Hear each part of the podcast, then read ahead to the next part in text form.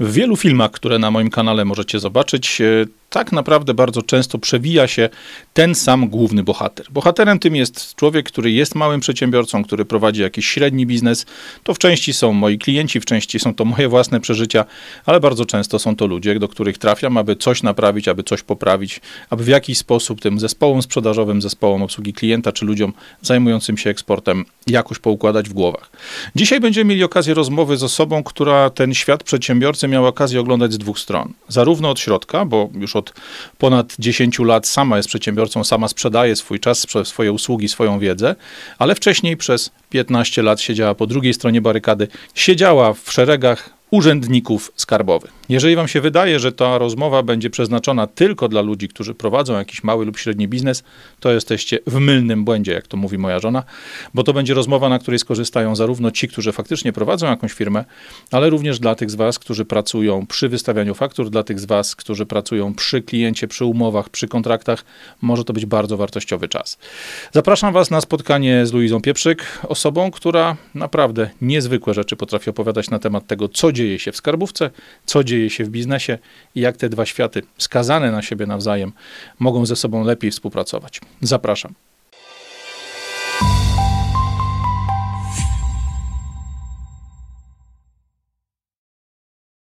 Cześć, tu Radek Pogoda, witajcie w Pogodnych Shortach. I dziś pierwsza kobieta na kanale, pierwszy wywiad z babą, pierwszy wywiad z osobą, która w odróżnieniu od wielu e, w wąskich rurkach występujących sojbojów ma kochone z wielkości orzechów kokosowych. Luiza Pieprzyk, osoba, którą zna cały LinkedIn i do cholery i trochę ludzi w polskim świecie przedsiębiorców. Cześć Luizo.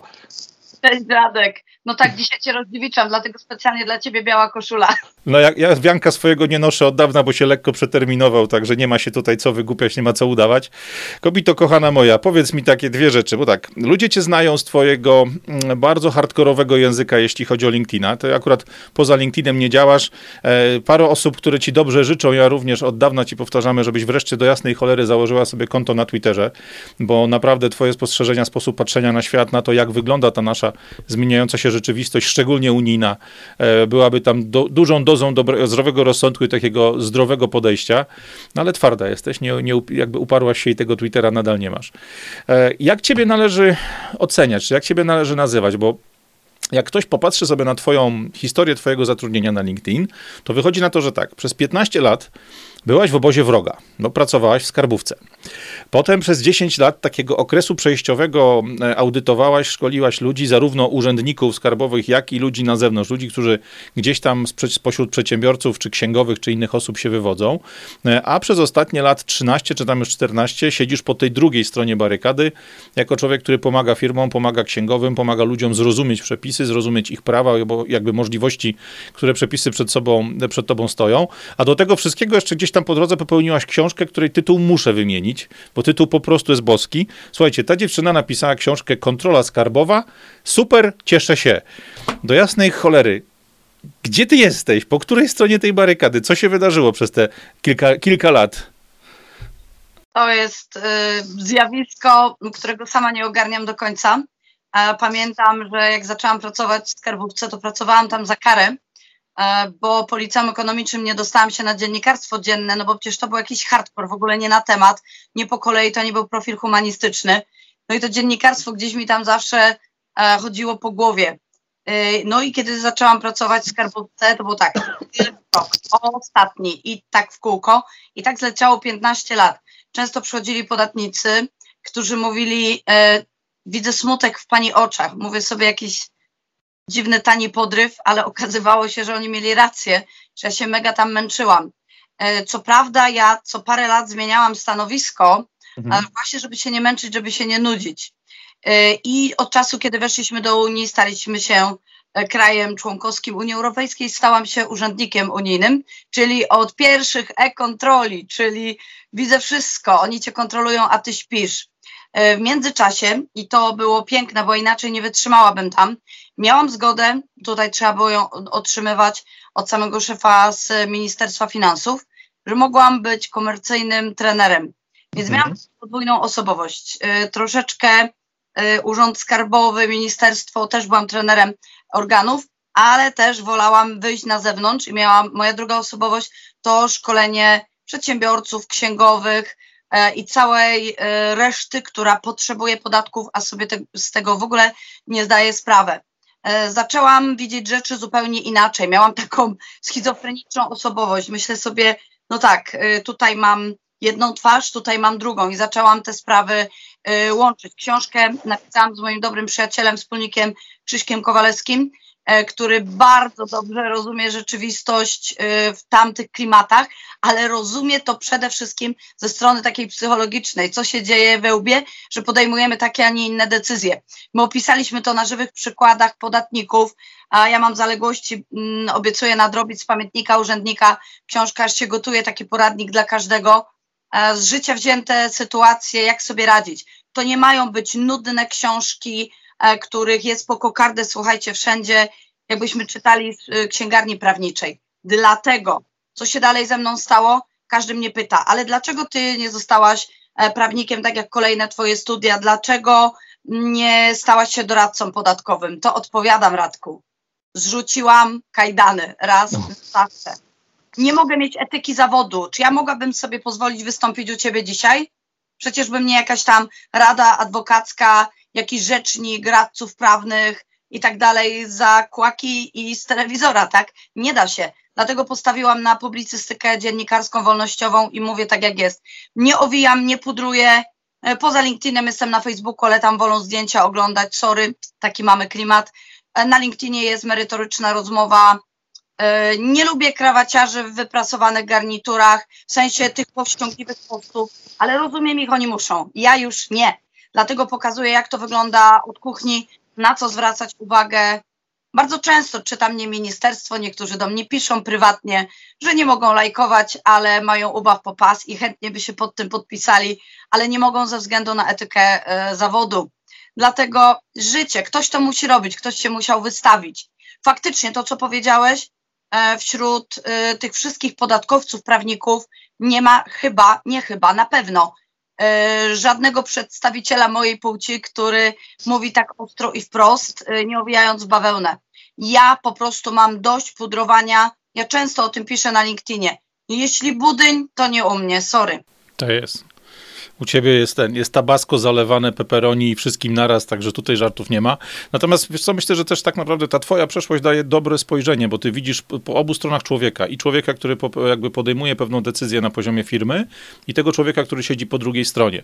No ja znam trochę historii, które opowiadasz niemedialnie, e, więc jak powiem szczerze, jak posłuchałem od ciebie, jak wyglądają rozmowy między paniami na przykład w dziale VAT-u, w urzędzie skarbowym, w, na poziomie takiej codziennej pracy, codziennego analizowania dokumentów, dokumentów, no to to są historie, które tak naprawdę do ludzi się nie przebijają, e, no bo ty to ładnie nazywasz, nie ma etyki zawodowej i tak dalej. A prawda jest taka, że jest zwykły strach pewnie o, o stanowisko, jest zwykły strach e, o konsekwencje prawne. Przecież ci ludzie wszyscy pracują pod jakąś umową, która zawiera klauzulę o zachowaniu poufności i tak dalej. E, powiedz mi, jak to wygląda, no bo Urzędnik też jest człowiekiem. Ja oczywiście nie wybieram tych ludzi, czy ja sam zresztą parę lat miałem do czynienia e, z najróżniejszymi urzędami. Widzę ewidentnie poprawę, czyli mam wrażenie, że przez ostatnie powiedzmy 7 do 10 lat nawet ta nasza skarbówka to są ludzie, którzy nie przychodzą już ze szmajserem i nie zaczynają do otwarcia serii e, na wysokości kolan, a potem dopytują tych, którzy przeżyli na podłodze. Widzę, że ci urzędnicy starają się powiedzieć o co kaman, skąd się bierze pomysł, skąd się bierze przepis i tak dalej. Jak to wygląda tak z, twojego, z twojej perspektywy, kiedy ta zmiana nastąpiła? Bo to chyba był dokładnie ten moment, jak ty wysiadałaś ze skarbówy. Tak. To mniej więcej, znaczy ja w ogóle dlaczego odeszłam? Mhm. Zaczęły się dziać rzeczy pod tytułem masz zakaz, każdy urzędnik pracy na zewnątrz. E, a ja nie wyobrażałam sobie zostać taką teczką urzędową, e, gdzie wiecie, no nie mam kontaktu z człowiekiem. Ja przychodziłam do księgowych, do doradców, do przedsiębiorców, ja rozmawiałam z wami. Ja próbowałam naprawić tę rzeczywistość od dwóch stron. Y, zawsze walczyłam z systemem, byłam niepokornym urzędnikiem, zawsze dostawałam za to po premii, a poza tym mam nie tę płeć. Nie wiem, czy wiesz, Radku, ale baba w urzędzie skarbowym to jest. Mm, teraz jest inaczej, ale wtedy było tak 98% i faceci mógłbyś siedzieć i się uśmiechać. Ty byś dostawał e, premię 300%, a ja z tego 1%. Dla tak niestety wyglądało wynagradzanie. No i urzędnik mówi tak, a co ja mam się martwić? Zrobię, co mi każą, myślenie odrzucę, przecież nie będę walczył o tego podatnika, e, zrobię to i mam spokój. O 15 wychodzę, jak w ZUSie zamykam drzwi, yy, rozpinam wrotki i odjeżdżam. No tak. No niestety e, tutaj zawsze podpuszczano mnie jednym pytaniem, nie wiem czy wiesz, na szkoleniach. Czy jestem za karaniem urzędników? Odpowiadałam, tak, jestem. I oni byli zdziwieni. A ja mówię, tak, jestem. Bo kiedy pracowałam latami w orzecznictwie i co to jest? Ty piszesz zapytanie do urzędnika, ja ci odpowiadam, co masz zrobić prawnie. Mhm. Po czym moja szefowa bierze sobie długopis, wykreśla i mówi tak.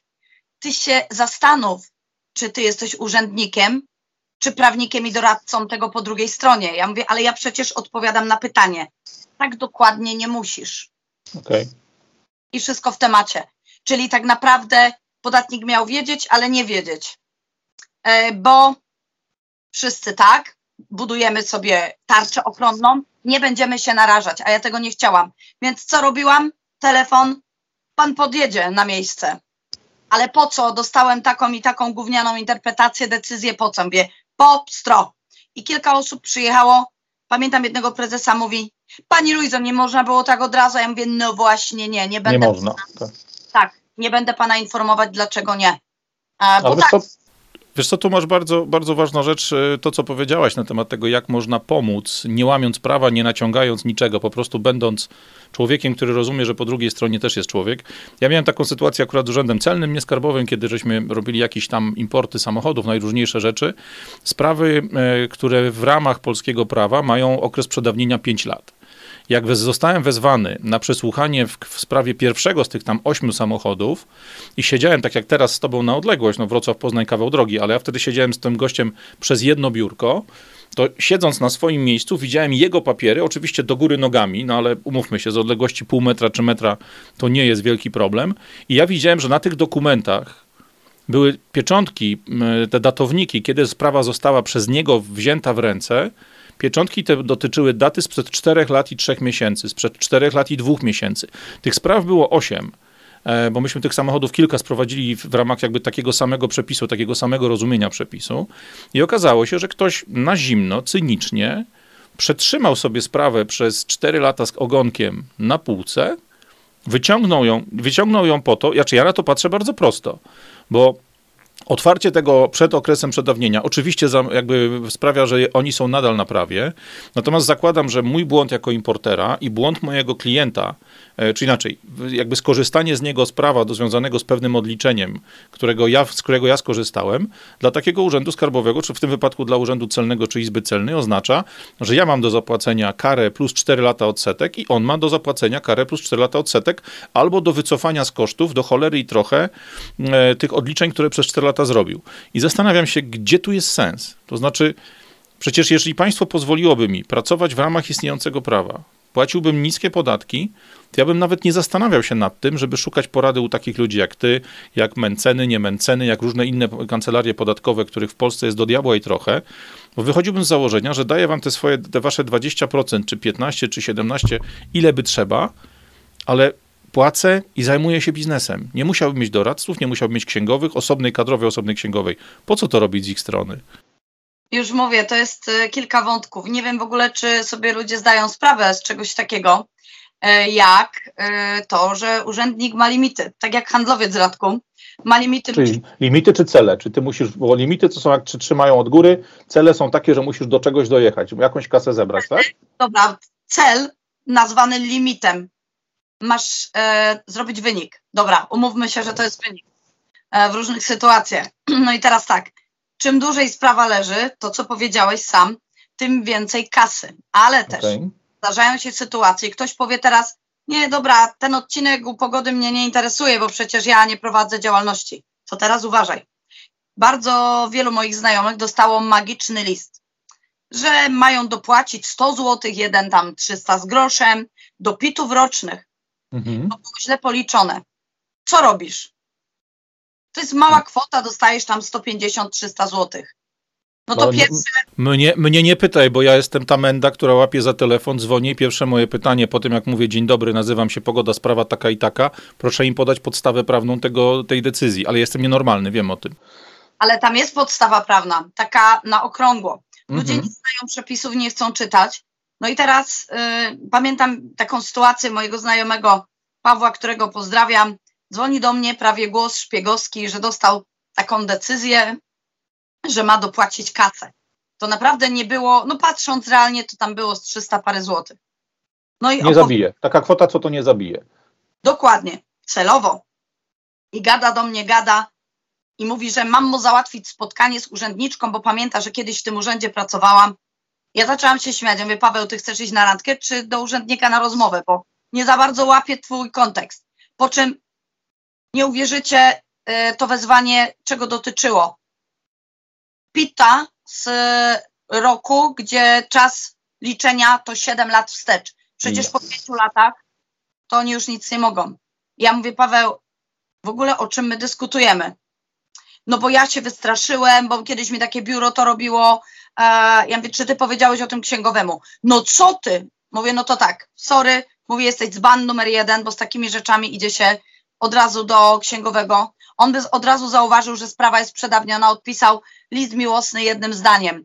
Ty sobie poradzisz, ale inni zobaczą czerwoną pieczątkę i cali drżą. Okazało się, że to było nagminne, właśnie te przeterminowane sprawy, które były wysyłane. I człowiek jest pozostawiony samemu sobie. Dlatego on nie pójdzie do koncernu wielkiego, nie strzeli takiej decyzji. Ale jak tak stu Kowalskich po dwie stówki powpłaca średnio, to biznes, robi.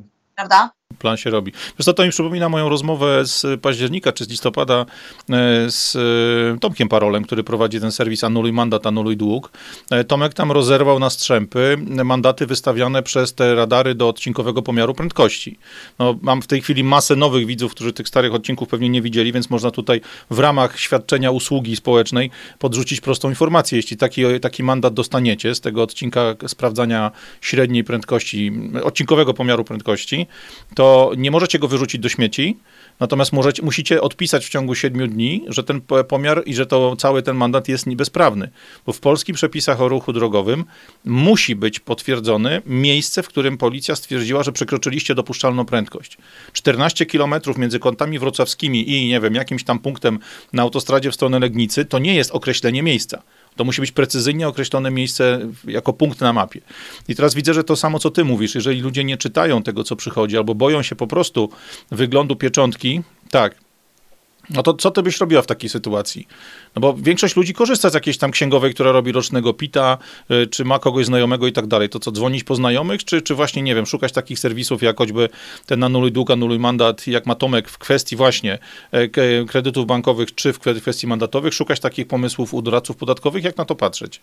E, ktoś powie, no dobra, pójdę mm, do doradcy i zapłacę więcej niż za wizytę, niż to wezwanie jest warte. Mhm. I tutaj Właśnie, no właśnie, nie opłaca się, prawda? Nie opłaca się wszczynać spraw w sądach, nie opłaca się walczyć, bo pełnomocnik kosztuje i ludzie nie zdają sobie e, z tego sprawy.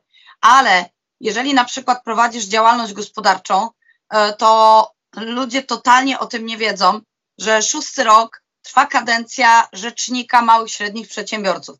Tak jak słuchajcie, jest Rzeczy Konsumentów, ta instytucja wyjątkowo działa mi na nerwy, bo tam mm, przynajmniej z mojego rewiru poznańskiego siedzi taki pan, ja na niego mówię Smerw Maruda, który mówi, a daj sobie pani spokój, że to się nie uda, wie pani jak to w tych sądach i po co pani, pani sobie te buty kupi nowe, ten tapczan, co podarty pani przywieźli też, a ta wycieczka, pani zapomni, pojedzie za rok na nową, wspomnienia znikną.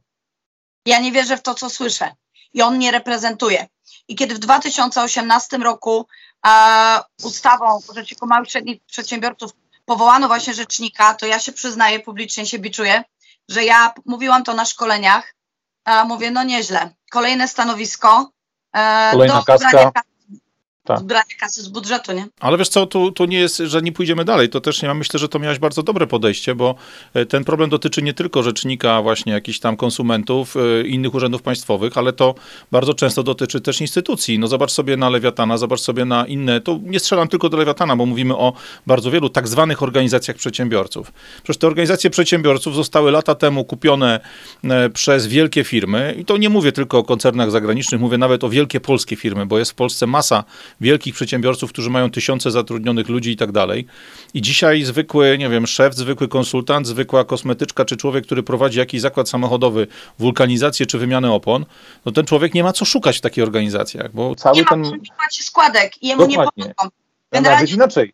Nawet jak płacisz, to jesteś jeszcze większy frajer, bo wpłaciłeś tam te, nie wiem, kilkadziesiąt złotych miesięcznie, a i tak, i tak nikt się nie ujmie, nawet za całą branżą wymieniaczy opon, czy tam jak to nazwać, czy firm wulkanizacyjnych, czy firm związanych z oponami, no bo na tym rynku powiedzmy jest Oponeo, czy inne, dwa, trzy inne wielkie brandy, e, które trzymają wszystko za pysk, nie? Albo ktoś, kto jest przedstawicielem, nie wiem, Stomilu czy Michelina, to ta sama firma akurat, ale e, tutaj rzucam tylko jako przykład, nie odnosząc się konkretnie, przychodzi ktoś, kto ma tych zakładów 400 i mówi, dobra, olej maluchów, przepchnijcie, jak będziecie mieli konsultacje e, w Sejmie, przepchnijcie takie prawo, żeby dla nas dużych było dobrze. Że musi na przykład być maszyna kosztująca 400 tysięcy zarejestrowana na firmę, no bo on taką maszynę jedną na firmę kupi, ma tych punktów 300, a takiej maszyny za 400 tysięcy nie kupi 15 czy 20 czy 5, 5 tysięcy zakładów wulkanizacyjnych.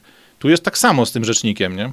Inwestuje się w koncern, a ten mały zobaczy takie pismo z urzędu i on powie tak, nie mam i szuka po forach internetowych.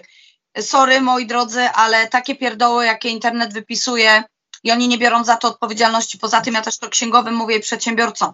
Jeżeli zobaczysz wpis w internecie, poradę, tak, dobrej cioci w internecie, to spójrz datę publikacji, tak. bo możesz się rozjechać na tym.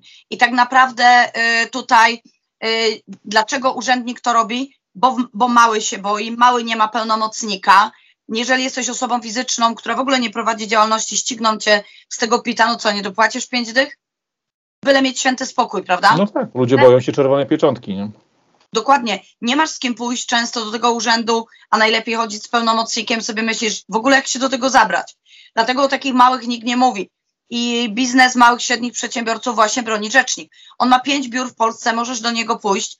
E, ma Warszawę, Kraków, e, Białystok, Gdańsk, Poznań musisz zobaczyć sobie regionalizację. Warto wyświetlić sobie jego stronę rzecznik y, mszp.gov.pl y, i sobie spojrzeć, jak możesz sobie bezpłatnie pomóc, bo on pomaga każdemu, jeżeli jest sektora MŚP, oczywiście przedsiębiorcy, no jeżeli jesteś konsumentem, musisz tutaj iść do smutnego pana Marudy Smurfa, do tutaj rzecznika konsumentów, ale jak prowadzisz dokładnie, Radku, to co mówisz, wulkanizację, jesteś kosmetyczką, to możesz skorzystać. Wiecie co, to jest w ogóle jakieś chore. Sześć lat chłop e, flaki sobie wypruwa e, dla przedsiębiorców, ma nieocenione sukcesy, a o nim nikt nie wie. Kiedy pytam tysiące ludzi w szkole, słuchajcie, ja to już jestem babcia emerytka w szkoleniach, w konferencjach, bo ja to robię o matko i córko, prawie 30 lat. E, zaczęłam naprawdę jako młoda no dziewczyna. Jak na osiemnastolatkę, to niezły wynik. Nie, dokładnie, wszyscy mi tak mówią, no ale wiecie, nie, podatki to jest jak maseczka odmłada, odmładzająca, bo tam nie ma czasu myśleć, wiesz, co się dzieje, tam trzeba napierniczeć cały czas. No i, i kiedy taki mały nie ma pojęcia o nim i najlepsza akcja. E, skąd wiecie o istnieniu rzecznika? A pani kiedyś mówiła. Mówię, okej. Okay. E, żadna gazeta, żadne portale, żadna telewizja, żadne onety, kotlety, inne rzeczy o nim nie mówią. Dlaczego? Bo on jest wrogiem każdego rządu i nieważne skąd kto pochodzi, bo on tak naprawdę rzecznik jego biura pomagają przedsiębiorcom. Czyli e, oczyszczają atmosferę wokół prawa, które nie jest prawem, tylko dżunglą i pomagają przedsiębiorcom. Słuchajcie, wynotowałam sobie statystyki, żebyście wiedzieli. E, Radek, to dla ciebie zagadka, odstawiaj. No. E, w jakich instytucjach, bo rzecznik może cię bronić pro bono, nawet e, w NSA, w sądzie, w urzędzie, każda administracja jest możliwe, żeby cię obronił, żeby wstąpił w postępowanie, tak jako twój pełnomocnik. Mm, dla ciebie mm, teraz zagadka. Gdzie jest więcej problemów, gdzie więcej interwencji przeprowadza rzecznik w ZUS-ie czy w skarbówce? No moim zdaniem w ZUS-ie. Tak. Słuchajcie, podam wam statystyki e, jeszcze przed tym całym szaleństwem lockdownowym, gdzie wydawało się, że jest całkiem nieźle takich interwencji, bo rzecznik robi raporty grube na 500 stron z podziałem mhm. na wszystkie branże, komu pomógł. I to jest fajne, bo ty możesz sobie z tego skorzystać. Przyjdzie jakiś yy, naburmuszony urzędnik, pokazujesz mu, panie, wrzuć hamulec, bo taka sprawa była już rozstrzygana w sądzie i rzecznik wygrał. Powiem wam, że to działa idealnie, bo wielokrotnie nawet kontrola szybciej kończyła wizytację w firmie, kiedy księgowa powiedziała dość tego. E, za długo tutaj jesteście niepotrzebnie, zaraz będę prosiła o wkroczenie do sprawy, od przystąpienie do postępowania rzecznika. Ekipa spakowana na drugi dzień. Teraz uwaga, statystyki. Rok 2019 ZUS 142 interwencje, a w 2023 trzymajcie się na czymkolwiek siedzicie 986 spraw. Co to oznacza? Trzy dziennie, nieźle. Walec jedzie, Polski Ład rozwala, mm, ponad 200 tysięcy firm już padło po Polskim Ładzie w pierwszym roku. Mm, teraz ktoś powie, tak dobrze, że nie jestem przedsiębiorcą, mnie to nie dotyczy, nie rozpędzaj się. Tak bardzo y, te zaburzenia gospodarcze odczuwa rynek i pracodawcy. Jeśli pracujesz na etacie, a większość z Was, słuchaczy Radka, może być pracownikami etatowymi, powie, dobra, nudy, flaki z olejem, jest mi to niepotrzebne, uważaj. Zaraz pracodawca będzie miał dla Ciebie w tym roku propozycję nie do odrzucenia. Słuchaj, stary, może zszedłbyś z etatu, zatrudnij się na działalność, będziesz mi faktury wystawiał co miesiąc. I to jest bardzo częsta propozycja od stycznia. Ty mi, Radko, mówiłeś o spadku statystyki ofert pracy, tak? Tam bodajże tak, było... Tak, no porównywaliśmy, z kumplem porównywaliśmy styczeń do stycznia na pracuj.pl, e, czyli styczeń roku 2023 do teraz, do stycznia 2024, e, ilość ofert pracy spadła o 35%. Ja robiłem coś takiego w zeszłym tygodniu, też gdzieś tam jadąc pociągiem, sprawdzałem tego, tego typu dane na e, Rocket Jobs, czyli takim miejscu przeznaczonym głównie dla ludzi z branży IT. Branża IT to samo. E, wielu moich klientów jest z IT. Ja przecież jako konsultant pomagam wielu firmom IT, software house'om, nie software house'om, jeśli chodzi o budowę jakichś tam systemów sprzedaży, szkole ludzi, układam procesy, piszemy treści sprzedażowe i tak dalej. E, to samo w e-commerce, to samo w paru innych branżach. Oni bardzo często dzwonią do mnie z hasłem, słuchaj, mamy ławkę pełną, nie ma projektów, kończymy za 4 miesiące projekt, który nas utrzymuje od roku i kurde, następnych nie widać, co mamy robić, nie? Wiesz, to, to jest coś, co się dzieje, tak, to się dzieje nie tylko ze względu na Polski Ład, o którym chciałem jeszcze z tobą chwilę pogadać, natomiast to się dzieje od, z tego tytułu, że w ogóle generalnie Europa siadła totalnie, nie?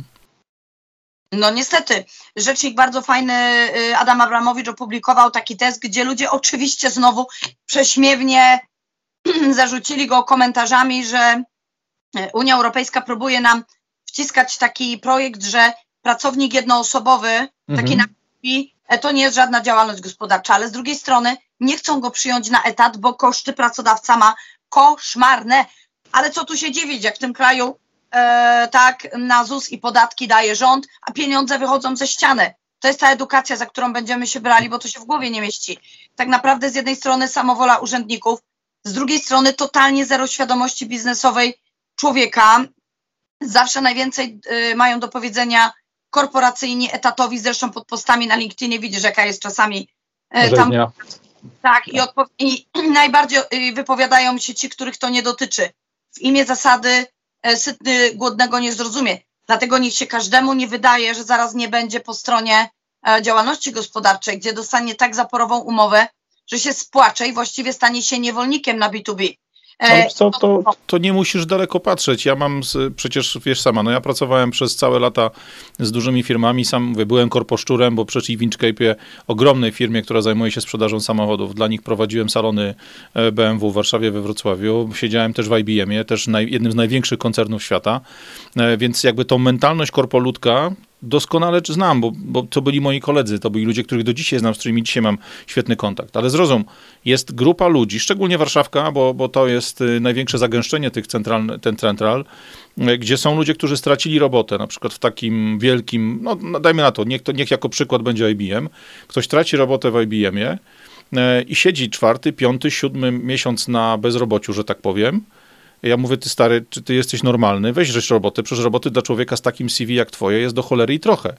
Ale ten gość odpowiada, ty, ja nie pójdę do prywaciarza, do polskiej firmy małej czy średniej, bo zarobię tam cztery razy mniej podstawy niż daje mi wielkie amerykańskie korpo, czy tam międzynarodowe korpo, będę musiał zapieprzać dużo, dużo mocniej, nie dostanę służbowego samochodu, nie dostanę tego czy tamtego. Mamy grupę ludzi na rynku, którzy nauczyli się żyć w tych warunkach takiego luksusowego nie wiem jak to nawet nazwać, takiego, takiej luksusowej złotej e, klatki i oni nie chcą z tego wychodzić. Natomiast, sorry, chłop faktycznie siedział 8 miesięcy na bezrobociu, pożyczył od swojego brata ileś tam pieniędzy, żeby, żeby przeżyć i to naprawdę niemałe kwoty, bo żyje chłop na takim poziomie. No ale okazało się, że miał rację, bo zatrudnił się, wypadł z jednej korporacji międzynarodowej, wskoczył do drugiej korporacji międzynarodowej na podstawową pensję rzędu 18 netto, nie? Więc wiesz, świat jest nienormalny. Natomiast to, na co ja patrzę bardzo mocno ostatnimi czasy, e, rzecz, która mnie uderzyła, jak po raz pierwszy wylądowałem w Ameryce. Akurat to była Kanada wtedy. Poszedłem do sklepu, żeby kupić jakąś tam kartę do, do internetu, którą chciałem sobie wsadzić do iPada, żeby móc przez Skype'a gadać z dzieciakami i tak dalej. I zobaczyłem, że taka karta naprawdę z dużym, bo tym, jak to nazwać, z dużą ilością tego netu e, kosztuje 50 dołków. No to wziąłem tą kartę, bierę 50 dolarów w gotówce, wie, że ja jestem fanem gotówy, idę do kasy, daję pani te 50 dolarów, a, a, babka mi na to hasło rzuca 60 czy 20. Ja mówię, no kurde, chce mnie orżnąć. No widzi, że jestem leż z zagranicy, chce mnie normalnie orżnąć. Dopiero potem mi się kulki zderzyły, tak, jedna zepsuta, druga zgubiona. Mówię, ty głąbie, przecież oni mają sales tax naliczany na kasie. E, I tak się śmiałem, jak ostatnio rozmawialiśmy gdzieś tam z Piotrkiem Szlachtowiczem y, u niego na kanale, że jakbyśmy w jednym miesiącu w Polsce zrobili tak, że na metkach sklepowych pokazalibyśmy, że cena produktu, nie wiem, butelki wody, tak, mam butelkę wody, cena butelki wody to jest złoty 70. Potem jest podatek dochodowy, który płaci sklep. VAT, który płaci sklep, podatek od plastiku, to wiadomo w innej kolejności, bo to się nalicza inaczej. E, podatek od plastiku, opłata śmieciowa, opłata za, nie wiem, za tą deszczówkę, która pada na dech, na, deszcz, na dach tego sklepu, no bo przecież sklep musi te wszystkie pieprzone podatki ekologiczne, czy tam pseudoekologiczne płacić, tak, to ludzie by stwierdzili, czy inaczej, zaczęliby myśleć trochę inaczej o sklepikarzach, trochę inaczej o przedsiębiorcach, bo nagle by się okazało, że oni zobaczyliby, że w tej cenie 3 zł za, butelki, za butelkę wody, a nie złoty 90, z zysku tego sklepikarza to jest 17 groszy. Resztę zabiera państwo. E, Radku, na pewno wiesz, bo ja jestem historyczną obrończynią gotówki nie dla idei, ale pokazuję no, bezpieczeństwa. Tak. I teraz zobaczcie, ja to, ja to tłumaczę ludziom. E, przysięgam, jak kiedyś ktoś przede mną na straganie będzie od babci kupował, będzie teraz wiosna, borówki, truskawki, zapłaci telefonem, to módlcie się do wszystkich świętych, żebym ja nie stała za wami, bo utłukę. Naprawdę, ja się śmieję. Ale moi drodzy, a każdy mówi, ale ta babcia przecież ma terminal. A dlaczego ona ma? No bo przez takich głąbów. Ona ma prąd, ona ma terminal, ona musi mieć aplikację. Za chwilę jej nie będzie, bo te koszty ją zeżrą. Proponuję sobie zrobić taki mały rachunek sumienia. Ja się nie odważyłam, mimo że u mnie nie jest źle. Słuchajcie, weźcie sobie swoje konta prywatne. Wyfiltrujcie sobie za rok 2023 wszystkie opłaty bankowe, wszystkie prowizje, które ci pobierają, za płatność kartą, e, za to, co ty e, płacisz w sklepach internetowych, za to bezpłatne korzystanie mm, ze smartfonów, z bankowości internetowej, te bezpłatne. Policz sobie te prowizje. To nagle klękniesz i powiesz, o co tu chodzi. No wiadomo, że o pieniądze, tak? O pieniądze. Ludzie y, niby to wiedzą, ale z tego lenistwa, z tej wygody, bo przecież siłą nas nigdy nie wezmą, będą korzystać z online'ów.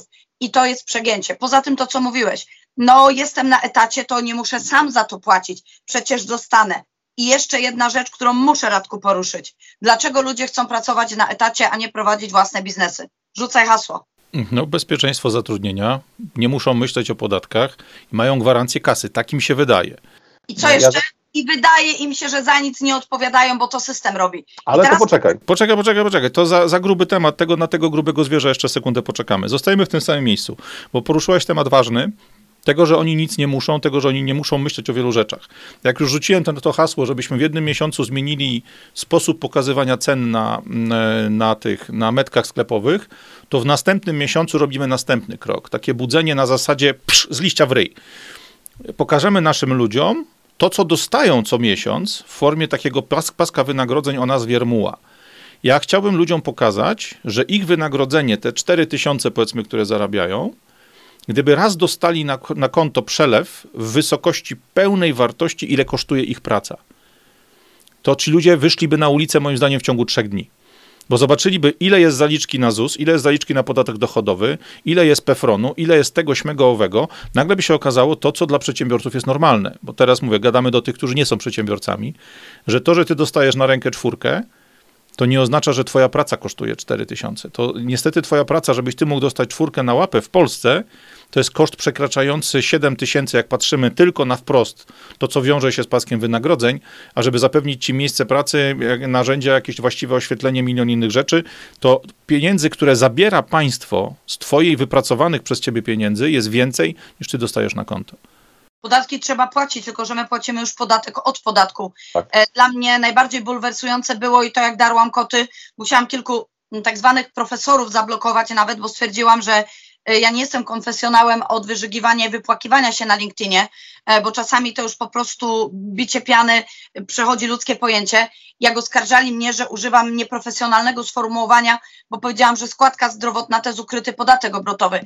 Moi drodzy, tak, przedsiębiorca musi płacić od każdej wystawionej faktury jeszcze procent dodatkowy. Dlaczego? Bo tak. No bo tak wymyślili. Tak sobie wymyślili. No dobra, jak już ruszyliśmy ten temat, to wracamy do, te, do kwestii, o, którą już zaczęłaś poruszać. Popatrzmy na tych naszych urzędników. No urzędnikowi wydaje się, że nie ponosi za nic odpowiedzialności.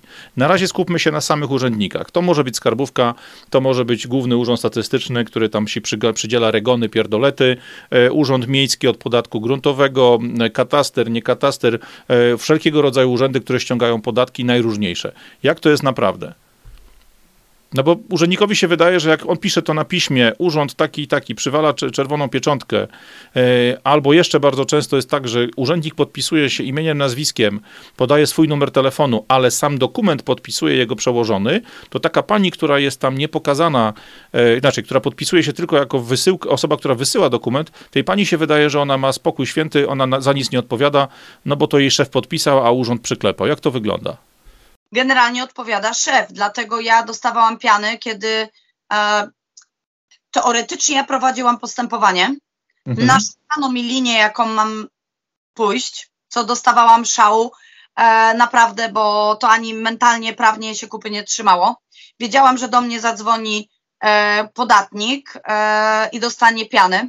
Hitem była kiedyś taka duża firma rolnicza, pracowałam w wyspecjalizowanym urzędzie tych firm zagranicznych. Słuchajcie, jaja. Mm, Zimą napisał rolnik, y, czy może przekazać pracownikom wodę i tam jakieś przekąski na polu. E, No, Mhm. takiego BHP, prawa pracy, czy musi opodatkowywać. E, No i ja miałam taką panią naczelnik, która, e, no, nie będę publicznie oceniać, ale chyba sami możecie oceniać.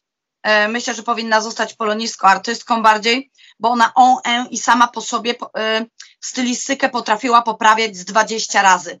No więc generalnie był miesiąc do trzech maks na odpowiedź, jak jeszcze w urzędach były interpretacje, czyli odpowiedzi na Twoje zapytanie, po czym podatnik dostał jesienią odpowiedź. No i moja koleżanka taka zdenerwowana, on dzwoni, tak się dar na nią, no co ona mogła zrobić? Nie jej wina, bo znowu szef nawalił w urzędzie, no ale ona brała na klatę, bo tak jak mówisz, rzadko podpisała się jako osoba prowadząca sprawę. Tak. Nagle moja koleżanka ratuje temat i mówi do rolnika, ale w ogóle niech się pan nie martwi. Na przyszłe żniwa ta odpowiedź będzie jak znalazł. Ja pierdzielę. Więc on, y, słuchajcie, gdyby to jak Chłonął. mógłby to wylazłby z tego telefonu i zaczął ją dusić. No hit po prostu numer jeden. Moi drodzy urzędnicy są e, karani, ale tego nikt nie robi. I teraz przykład hit. Znowu odwołam się do rzecznika.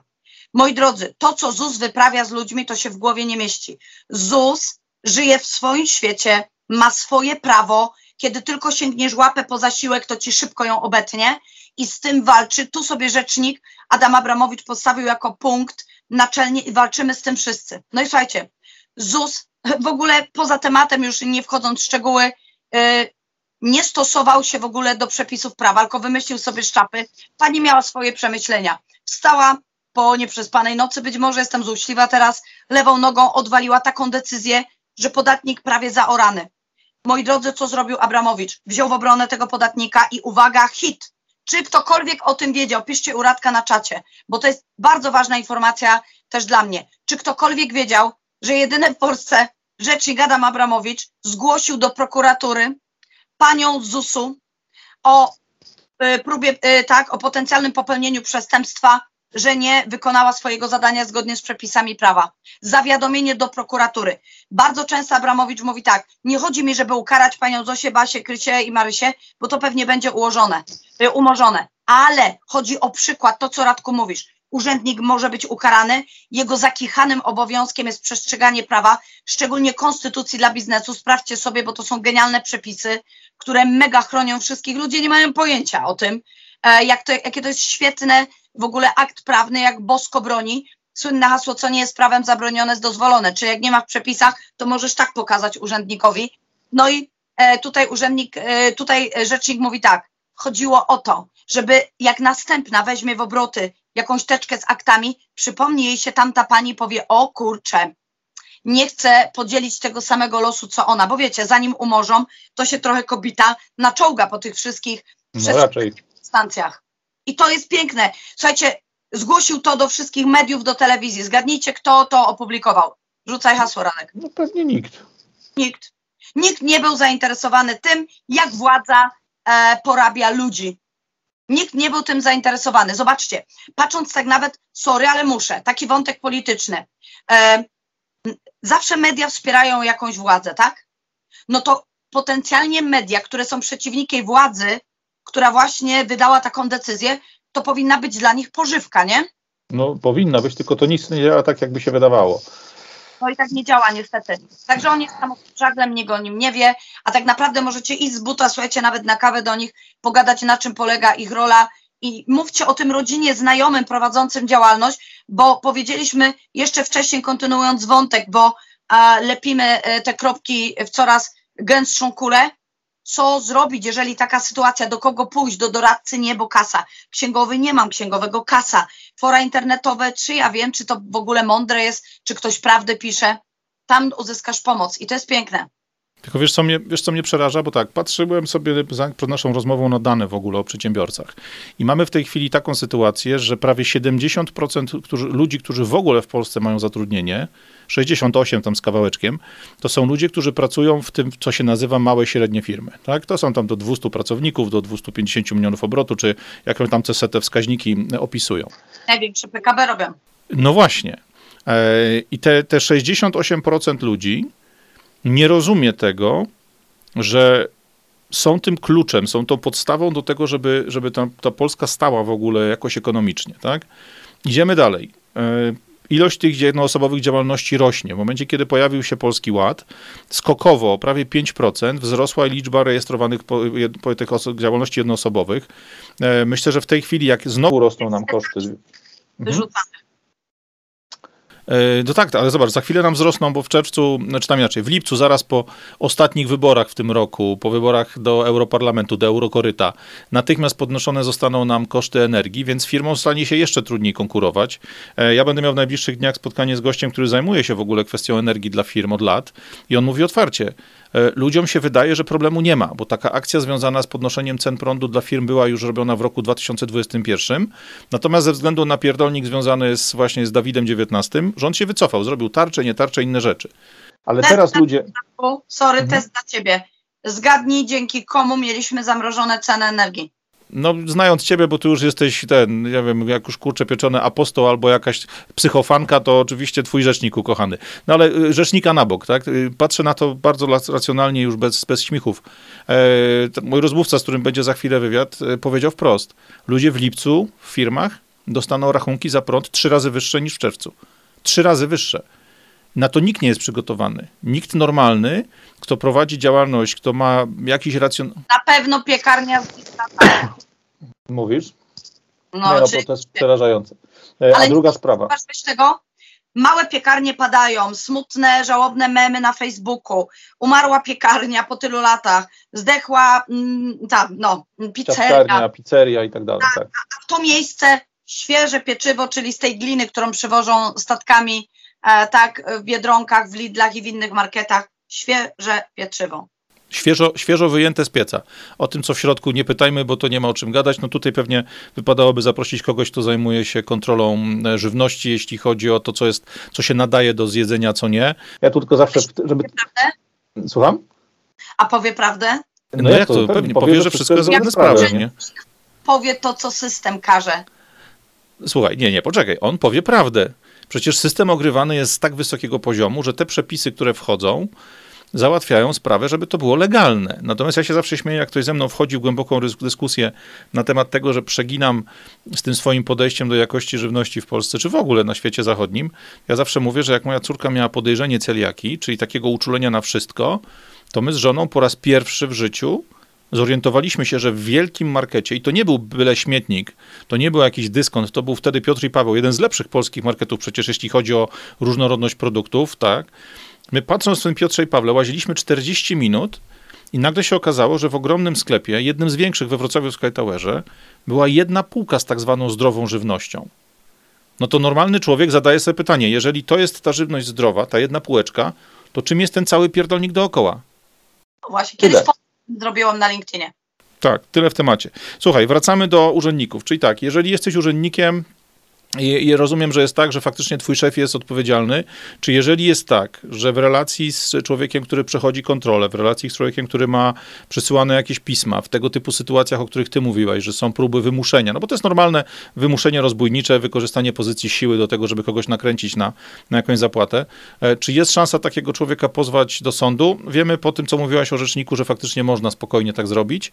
Natomiast jak to działa w drugą stronę? Bo wiesz, to samo podejście, ja widzę u moich klientów firmach, w których pracuję, gdzie na przykład, nie wiem, szkolimy zespół obsługi klienta, e, szkolimy handlowców, szkolimy ludzi, którzy zajmują się w ogóle relacją z klientem. Bardzo często tam są ludzie, którzy wystawiają faktury, którzy nadzorują płatności, którzy pilnują różnego rodzaju kontraktów, którzy jakby mm, negocjują na przykład z ludźmi, bo ja bardzo często szkolę szefów sprzedaży e, czy dyrektorów handlowych od strony takiego zarządzania, między innymi w tych technikach negocjacji i tak dalej. Ludzie bardzo często rzucają hasłami typu, to ja dam panu dłuższy termin płatności, to ja zrobię tak, że będzie miał pan płatność przesuniętą na jakiś tam moment. E, czy to jest tak, że e, jak rozmawiam z tymi ludźmi, mówię, słuchaj, to może mieć konsekwencje podatkowe. Ja słyszę hasło typu, ty, no ale ja tu jestem tylko sprzedawcą, ja tu jestem tylko dziewczyną z boku, tak, czyli z tego biura obsługi klienta.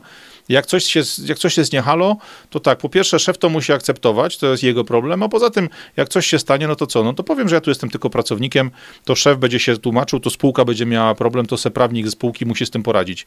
Jak wygląda odpowiedzialność zwykłego pracownika, no bo tych mamy bardzo wielu wśród moich widzów, na tego typu ruchy, zwykłego handlowca, człowieka z obsługi klienta, człowieka z księgowości. Czy oni faktycznie mają taki spokój?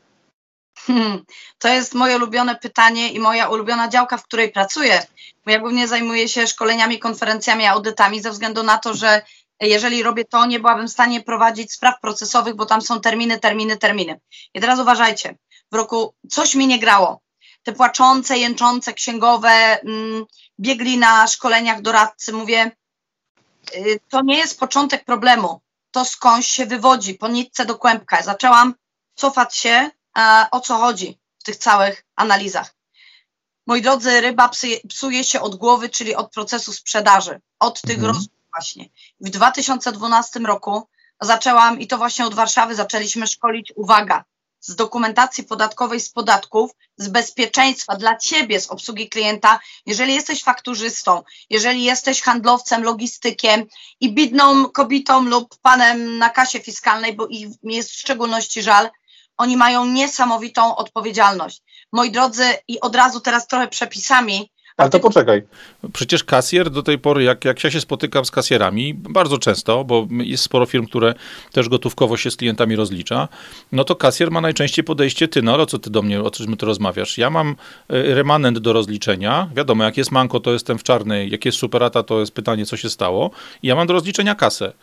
Jak to, co wyszło z rolki z terminala płatniczego, zgadza się z tym, co ja mam w gotówce, na wejściu, na wyjściu i tak dalej, no to ja jestem czysty. Jaką ja mam odpowiedzialność? Ja robię swoje, 8, 16, 10, 18, buzi rąsia, idę w chatę. To co, co, co oni mają za odpowiedzialność? 31 maja roku 2019 wymyślili przepis, który od razu został klepnięty, wpadł do dziennika ustaw i tego samego dnia, tylko tego jedynego, mhm. każdy kasjer musiał podpisać, ja na to mówię cyrograf śmierci takie oświadczenie, że on zna, świetnie się orientuje w zasadach fiskalizacji na kasie fiskalnej oraz odpowiedzialności, jakie, e, jaka spoczywa. ponosi. Mhm. No właśnie, co to oznacza? Że kiedy nawet twój system, a są bardzo nie takie systemy jak trzeba podatkowo, e, taki przykład, szybki, ludzie, patrzcie na to, co dostajecie na paragonach, idźcie na zakupy, róbcie eksperymenty podatkowe takie jak ja. Jest takie, nie chcę tego nazwać, ale aż mi się gotuje, bubel e, do potęgi, e, czyli wymyślili sobie faktury uproszczone. Nie wiem po co to komu, chyba jakaś e, spółka ITO do programowania kas fiskalnych musiała zarobić gruby cash, mm, bo zrobili tak, że jak namalujesz na paragonie NIP, to już masz tak. fakturę uproszczoną, tylko uwaga, to działa tylko do 450 zł, a kiedy masz powyżej tej kwoty, to system i nie interesuje mnie, że w tym markecie, w tej sieci to nie działa, ma wydrukować ci twoje dane, I, bo z tego paragonu bubla, nie wiadomo czy to już faktura, czy jeszcze paragon, właściwie rodzą się kontrowersje, czy można to jako koszt, czy podatek y, w VAT-ie odliczyć. Nie wiadomo, co z tym zrobić. To jest błąd, kardynalny błąd. No i pani mówi... Ale to, ale to jest błąd pani kasierki, czy to jest czyj błąd? E, powiem tak, ona za to odpowiada, bo y, wydała takie. Oczywiście mogłaby się bronić, e, że wyda, bo, no bo to system i tak dalej, będzie się bronić, rozryczy się, przyjmie mandat na klatę i przestanie oddychać. Słynna akcja w Warszawie teraz, bo to jest czynność, słuchajcie ludzie, to się nazywa specjalnym e, trybem, nabycie sprawdzające. Kto słyszał?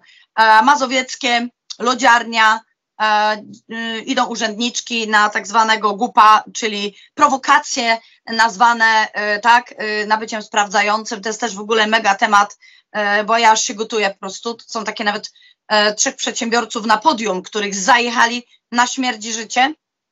Urzędniczka, lody, tak, oczywiście płatność gotówką.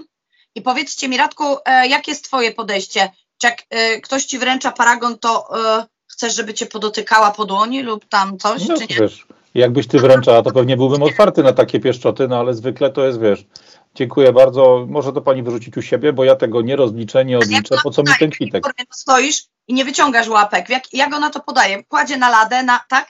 No wiesz co, jeżeli to jest, ja ten case akurat doskonale znam, bo nawet kiedyś była mowa, e, po prostu został ten paragon położony na ladzie razem z resztą i tyle w temacie, nie? Nie, ona, mi, się... ona nieskutecznie wręczyła w sposób, cytuję wam, e, który uniemożliwiał czytelne zapoznanie się z treścią paragonu. E, nigdzie nie jest powiedziane, że ma być macando przy wręczeniu. Słuchajcie, lodziarnia na tyle była, jak to młodzież mówi, wypasiona, bo były kamery. Słuchajcie, nic nie dało, nic nie dało. Odwołanie się, w ogóle zarąbista właścicielka tej lodziarni, że tę dziewczynę wzięła e, w obronę. W obronę. Mhm. Oczywiście ludzie mm, nie będę komentować ich oceniać, ale ręce do ziemi opadają, czytający nagłówki w gazetach. Jak nie wydała paragonu, to dobrze. Trzy tysiące złotych coś takiego. Tak, Ona tak. nie tyle tej lodziarni nie zarabiała. A screen tak z kamery, że kasa leży z tym paragonem na ladzie, więc y, trzeba było wziąć. Ja bym powiedziała tak, pani słyszałam, że te, no, wirusy są i inne cholery, więc nie mogę pani podać. Nie, ale to, to było przecież przed wirusami, to jeszcze wtedy nie było modne, nie? No, ale wiesz co, te, to są rzeczy, wiesz, mówimy o rzeczach takich... Lodziarnia była w tym roku, y, sorry, e? 2003, tak, to jest nowy hit. A nowe, no to drugi, druga akcja. Telewizję, Mhm. Dopiero telewizja wjechała tradycyjnie e, i no i dlatego, że była wiocha telewizyjna, no to uwaga teraz, e, była winna, ale odstąpiono od wymierzenia kary, no to nie wiem, to jest tak jak być trochę w ciąży albo zjeść ciastko i mieć ciastko. No wiesz co, ja na ten temat robiłem program połączony z y, tą opowieścią o dziewczynie z Wałcza, która sprzedawała wiśnie u dziadka na parkingu przed sklepem. E, była też akcja z urzędniczkami z Urze Skarbówy, które przyjechały żarówkę wymienić po zamknięciu punktu. A wiedziałeś, co dalej się stało? Jak już nie wiedzieli, co zrobić, to Abramowicz e, złożył zawiadomienie do prokuratury, e, że panie jechały bez światła. No ale widzisz, to jest, to jest dokładnie to samo, co sugerował właśnie Tomek Parol, jak rozmawialiśmy o na przykład e, mandacie, który próbuje ci wręczyć radiowóz, który goni cię przekraczając prędkość, będąc radiowozem tajnym, tak? Bo tam jest akcja, to ci znowu stara, stary w miarę wywiad, więc to szybko też przekażemy, e, bo to rzeczy się zdarzają na co dzień. Jak ktoś jutro będzie jechał do klienta albo leciał gdzieś przez Polskę, niech pamięta.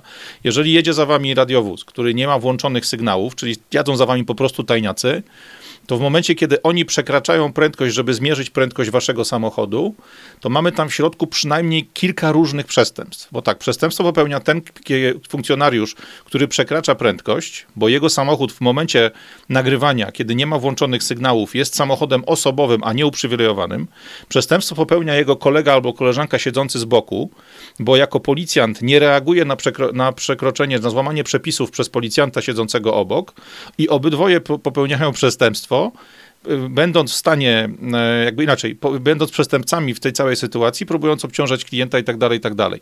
Więc naprawdę poziom absurdu, który tutaj mamy, jest tak chory, natomiast na ludzi po prostu paraliżująco działa ta cholerna czerwona pieczątka, ta czapka, ta szmata ta policyjna, czyli tak zwana legitymacja policyjna wyjęta z kieszeni i tak dalej, i tak dalej.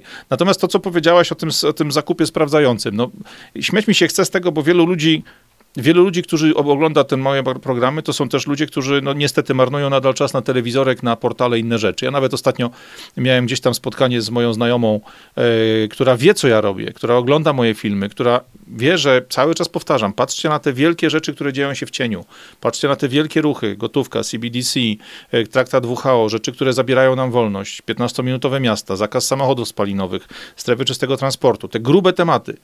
Ale mimo wszystko ta dziewczyna, jak się spotkaliśmy ostatnio, to tam nie wiem, w zeszłym tygodniu, mówi: Słuchaj, widziałeś, co się działo z Kamińskim Wójcikiem? No bo ona też ogląda. Więc weźcie pod uwagę, że sprawa Kamińskiego i Wójcika to jest dokładnie taka sama sprawa, jak sprawa tej pani od lodziarni, bo w przypadku lodziarni mieliśmy zakup sprawdzający, a w przypadku Kamińskiego i Wójcika, tej całej akcji wokół Lepera, mieliśmy próbę tak, na takich samych zasadach, na tym samym przepisie, wymuszenia na pacjencie wzięcia łapówy. Więc naprawdę nie ma różnicy między tym, czy to jest paragon, czy to jest żarówka, czy to jest akcja Kamiński-Wójcik. Urzędnicy przekraczają prawo nie wiedząc nawet o tym, że to, że to robią, albo na zimno wiedząc, że to robią, po prostu licząc się na tym, że schowają się za pieprzoną czerwoną pieczątką, czerwoną tabliczką na budynku czy orzełkiem. Patrzcie na siebie. Ludzie muszą zrozumieć y, sens, po co o tym mówimy teraz. Tak. Człowiek pracujący na kasie fiskalnej, człowiek e, sprzedawca, wystawiający faktury, nie jest e, pozbawiony odpowiedzialności i o tym mówią przepisy. Artykuł 62 kodeksu karnego skarbowego mówi wystawiający fakturę. I słyszę od jednego handlowca, pani się wyluzuje, bo u mnie to robi system. Więc ja wtedy daję przykład z kosmosu, a piec sam pali, czy musi być ten, co ten węgiel tą łopatą? Skoro ty wkładasz dane do systemu, ty jesteś odpowiedzialny. Mhm. Moi drodzy, dalej jest posługujący się, czyli księgowa i nadzorujący prezes trójkami do piekła was wezmą. I moi drodzy, to, że ty pracujesz na etacie, to nic nie znaczy. Ty będziesz dostawał te mandaty, ile wlezie. A skąd wiem to na 200%? A po co jest szykowany ten cały mm, aspekt teraz faktur elektronicznych, o których walczę? Będziemy w ministerstwie działać. To jest właśnie to. To jest kontrola, e-kontrola. Oni potrzebują cashu. Coraz więcej z tych drobnych. On nie pójdzie do wielkiego koncernu, żeby walnąć mandat lub decyzję, bo wtedy wychodzi, wypływa jak e, z wielkiego oceanu potwór e, mecenas, tak? E, w boskim garniturze od Armaniego i będzie się napieprzał 10 lat. Im chodzi o szybką, łatwą kasę. Dlatego przyjdzie do ciebie. Dlatego ja od kilkunastu lat szkole handlowców, logistyków, pokazuje im, jak ich porabiają na podatkach, prostych rzeczach klienci, to co powiedziałeś, manewrowanie terminami płatności, spełnianie życzeń klienta, wystawię fakturę wtedy, kiedy klient chce e, i wiele innych rzeczy. Słuchajcie, e, to nie jest w ogóle temat nudny podatkowy. Ja to robię od kilkunastu lat, nawet jak na dzień dobry chcą mnie zabić, to później dzwonią, pani tam podjedzie, bo w internecie coś pisali, że znowu robią jakiś dym. No, bardzo prosto, ale konkretne mam zaproszenie, tak? I to jest ważne. Dzisiaj po tym odcinku Radka uświadomcie sobie, nieważne czy grzejesz sobie cztery litery na ciepłej kanapie, czy pracujesz w działalności gospodarczej, na ciebie zawsze jest paragraf. A pójdą do takich jak my, do Radka, do mnie, mimo że prowadzimy biznes, ale też do ciebie, jak jesteś na etacie, żeby cię urąbać. Powiesz, ale co mnie to obchodzi? Przecież ja tylko na kasie pracuję, tylko fakturki wystawiam, tylko jestem handlowcem, logistykiem to się człowieku zdziwisz. I tutaj powinniśmy budować świadomość. To jest oczywiście temat e, kolejny. Mega jak kobyła, tak. Kontroli. Dobra, a to teraz tak, bo e, poruszyliśmy, poruszyliśmy temat bardzo ważny. Jak patrzę na dane z GUS-u, okazuje się, że w zeszłym roku o prawie 5% wzrosła liczba tych działalności jedno, jednoosobowych. E, oboje wiemy, że za chwilę, jak jeszcze bardziej dopierdzielą kosztami małym firmom, e, to będzie trzeba część ludzi, którzy chcą zarabiać porządne pieniądze, przerzucić na, na JDG, na tą jednoosobową działalność. Powiedz mi, czy, bo są ludzie, którzy się tego bardzo boją, są ludzie, którzy podchodzą do tego racjonalnie. Ja pamiętam takie rady mojej pierwszej księgowej, to nawet powiem szczerze, to był rok 96, więc nie pamiętam, mm, kto to, kto to dokładnie mi powiedział, bo tam były dwie fajne babki, ale one mi powiedziały, że jak zakładasz pierwszą firmę, tą zwykłą działalność jednoosobową, to nigdy nie myśl o tym tak jak o twoim portfelu, no bo niestety wpada to wszystko na to samo konto i tak dalej. One mi mówiły, załóż sobie subkonto na cały VAT, który wystawiasz na tej swoich fakturkach, załóż sobie subkonto na całą wartość ZUS-u, który ci wynika z twojego miesiąca, bo do dyspozycji masz tylko to, co ci zostanie. No wiadomo, dochodowy, niedochodowy, jak ci coś zostanie super, warto mieć trzy konta, ale jeśli ktoś na przykład wystawia, wiesz, tylko dla trzech, dla dwóch klientów, czy nawet dla jednego klienta wystawia faktury, no to tak naprawdę logicznie powinien w ten sposób na to popatrzeć, że żeby wiedział, że te pieniądze, które może wykorzystać, to jest kasa, która zostaje po tym, jak wyrzuci na bok VAT, wyrzuci na bok dochodowy, wyrzuci na bok całą należność ZUS-owską i tą całą resztą musi opędzić wszystko inne. Jak ty na to patrzysz? Czy to jest metoda, którą warto stosować, czy, czy trochę na ostro? Mają dostęp do wszystkiego i myślę, że warto by było zrobić kolejny odcinek, jak banki zaglądają do waszych kont, jak sprawdzają was, bo to jest petarda. Ale to zupełnie nie o tym mówię. Tu była bardziej kwestia tego, że, bo to teraz już mówimy bardzo konkretnie o ludziach, którzy, którzy po raz pierwszy przechodzą z etatu. Chcesz no. utrzymać konta bankowe, ja nie. Jest to potrzebne wtedy, kiedy na przykład bierzesz udział w przetargach. No i robią donosy na e, biorących udział w przetargach. Więc e, w związku z tym, jeżeli taki donos poleci, e, no to nie wpłacisz wadium do danej godziny do północy, no to możesz użyć innego konta, bo wtedy ci blokują, bo jest podejrzane. Dlatego... Nie, nie, w ogóle nie mówię o tych sprawach. Mówię o sytuacji prostej. Byłem przecie, nie wiem, byłem etatowcem, zarabiałem piątkę na rękę przechodzę na B2B, tak, czyli przechodzę na tą umowę y, jako jednoosobowa działalność gospodarcza, z tej mojej piątki na rękę robi się piątka plus dochodowy plus VAT, taką fakturę wystawiam, znaczy tam plus, tak, znaczy plus ZUS plus dochodowy plus VAT, taką fakturę w tej nowej wysokości, nie wiem, 9 tysięcy, 10 tysięcy złotych wystawiam mojemu szefowi. Ludzie, którzy po raz pierwszy w życiu dostają kwotę brutto za zapłatę za swoją robotę, traktują to tak, jak wcześniej traktowali wypłatę wpadła mi dycha, jestem w domu. Te subkonta, o których mówiłem, to była akcja pod tytułem, żebyś się nie przyzwyczajał, żebyś się nie rozpędzał, e, ale w drugą stronę, jeżeli zaczniesz to w ten sposób analizować, zanim się dogadasz ze swoim szefem, to zrób sobie do cholery tabelkę w Excelu albo skorzystaj z jakichś narzędzi w internecie i zobacz, jeżeli ty dostawałeś piątkę na łapę, to jakiej wysokości musi być netto twoja faktura, żeby sam zapłacić. zapłacić tak. sam podatki, sam wszystko. Dlatego to, co Radek mówisz, yy, ja jeszcze coś podpowiem na przykładzie też moich znajomych ostatnio. Dostali propozycję przejścia na działalność. No i taka sama kasa będzie, nie będzie taka sama, bo to, co powiedziałeś, z tego, co e, piątka była tu, teraz jest piątka. Nie. Jak musiał sam to poopłacać, to ci zostanie marne 2,5, tak? Dlatego tutaj, sorry, ale trzeba by było to skonsultować z jakimś biurem księgowym. I coś wam podpowiem. Jeżeli zostanie namaszczone, ja to widzę, co się dzieje jakieś jedno biuro rachunkowe, jakieś jedna kancelaria, która wszystkim pracownikom to zrobi od tego pracodawcy, to ja no powiem. To ręce precz. Idź do y, niezależnego i niech ci powie prawdę, ile naprawdę zostaje ci na łapę.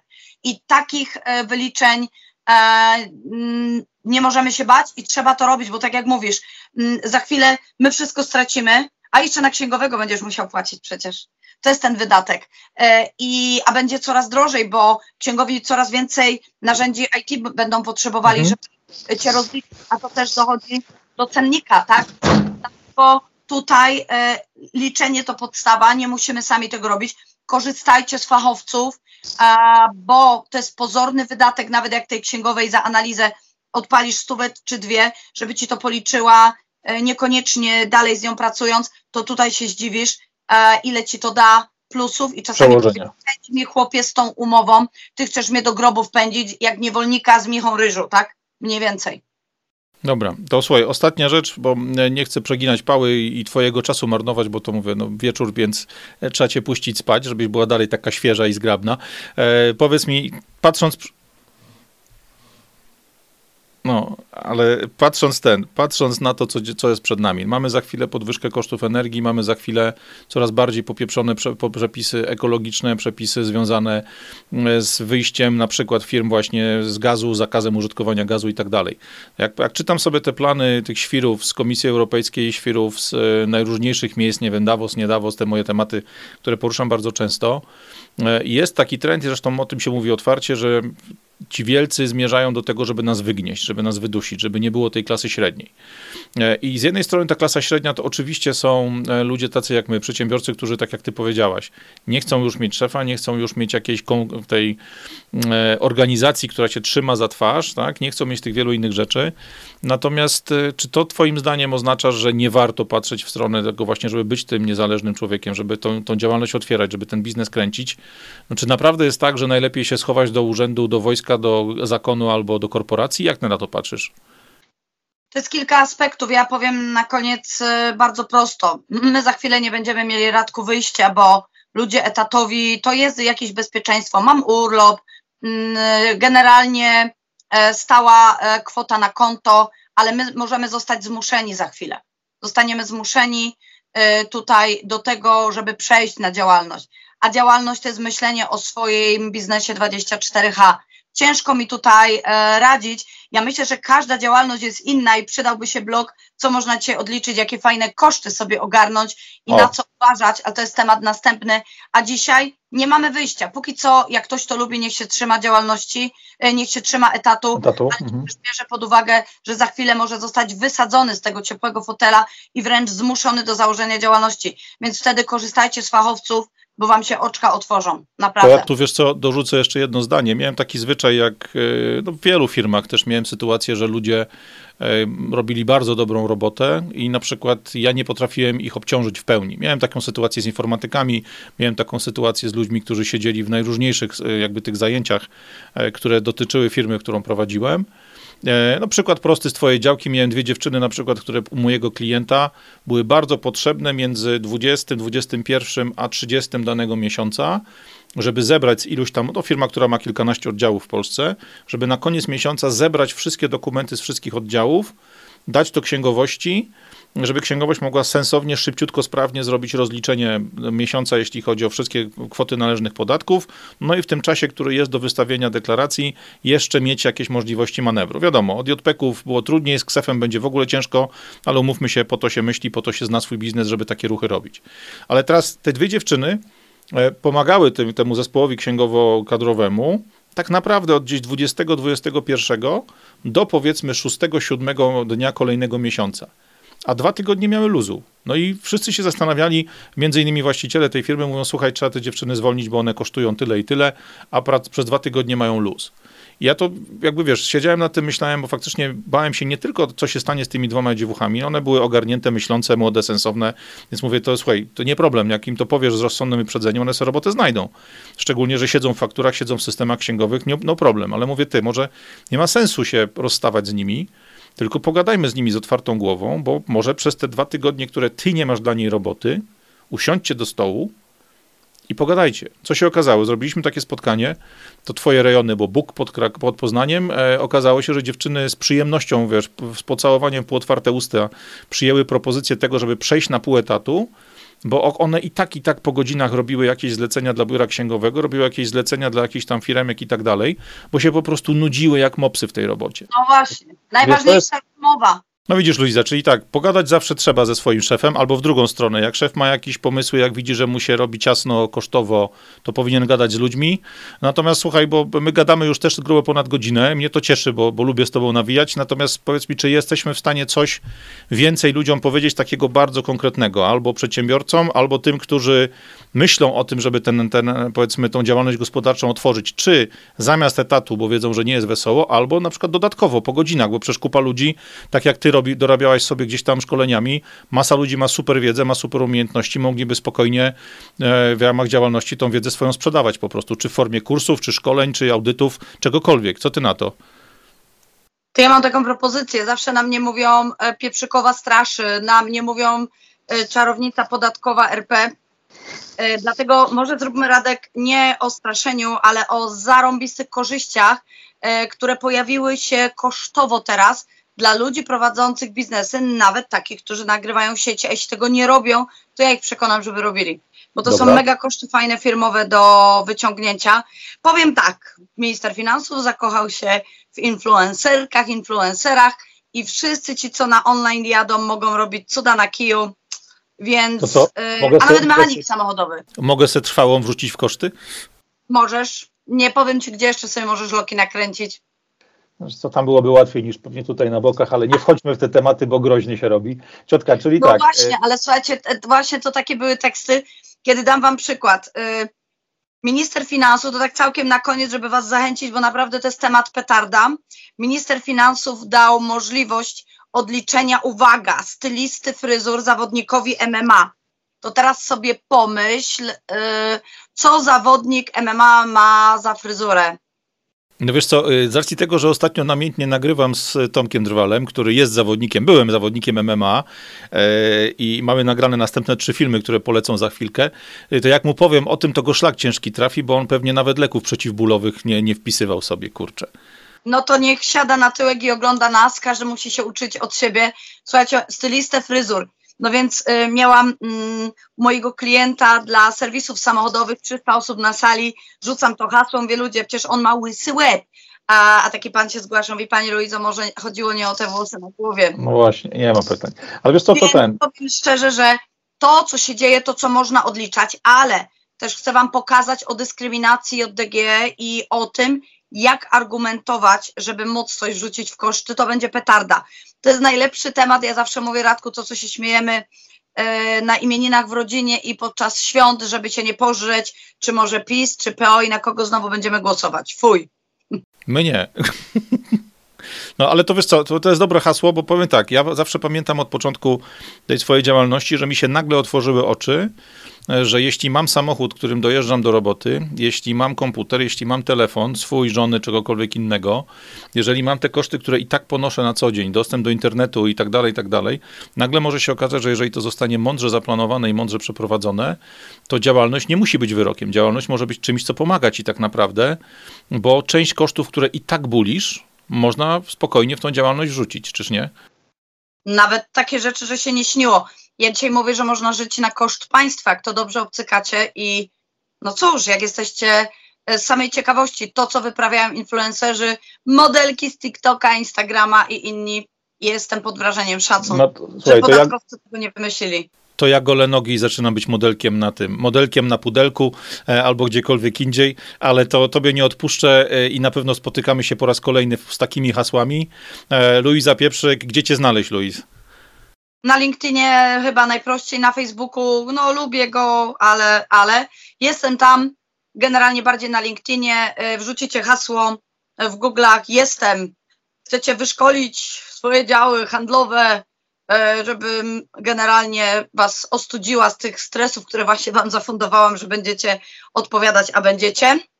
E, no, to po prostu dzwońcie, Łapać piszcie, się. jestem do dyspozycji. Łatwo mnie znaleźć w internecie, w Google'ach, maile, telefony, wszystko jest. Jechane, super. Wielkie dzięki za Twój czas, wielkie dzięki za te informacje, za spojrzenie, jak wygląda bestia zwana państwem, bestia zwana urzędami od środka.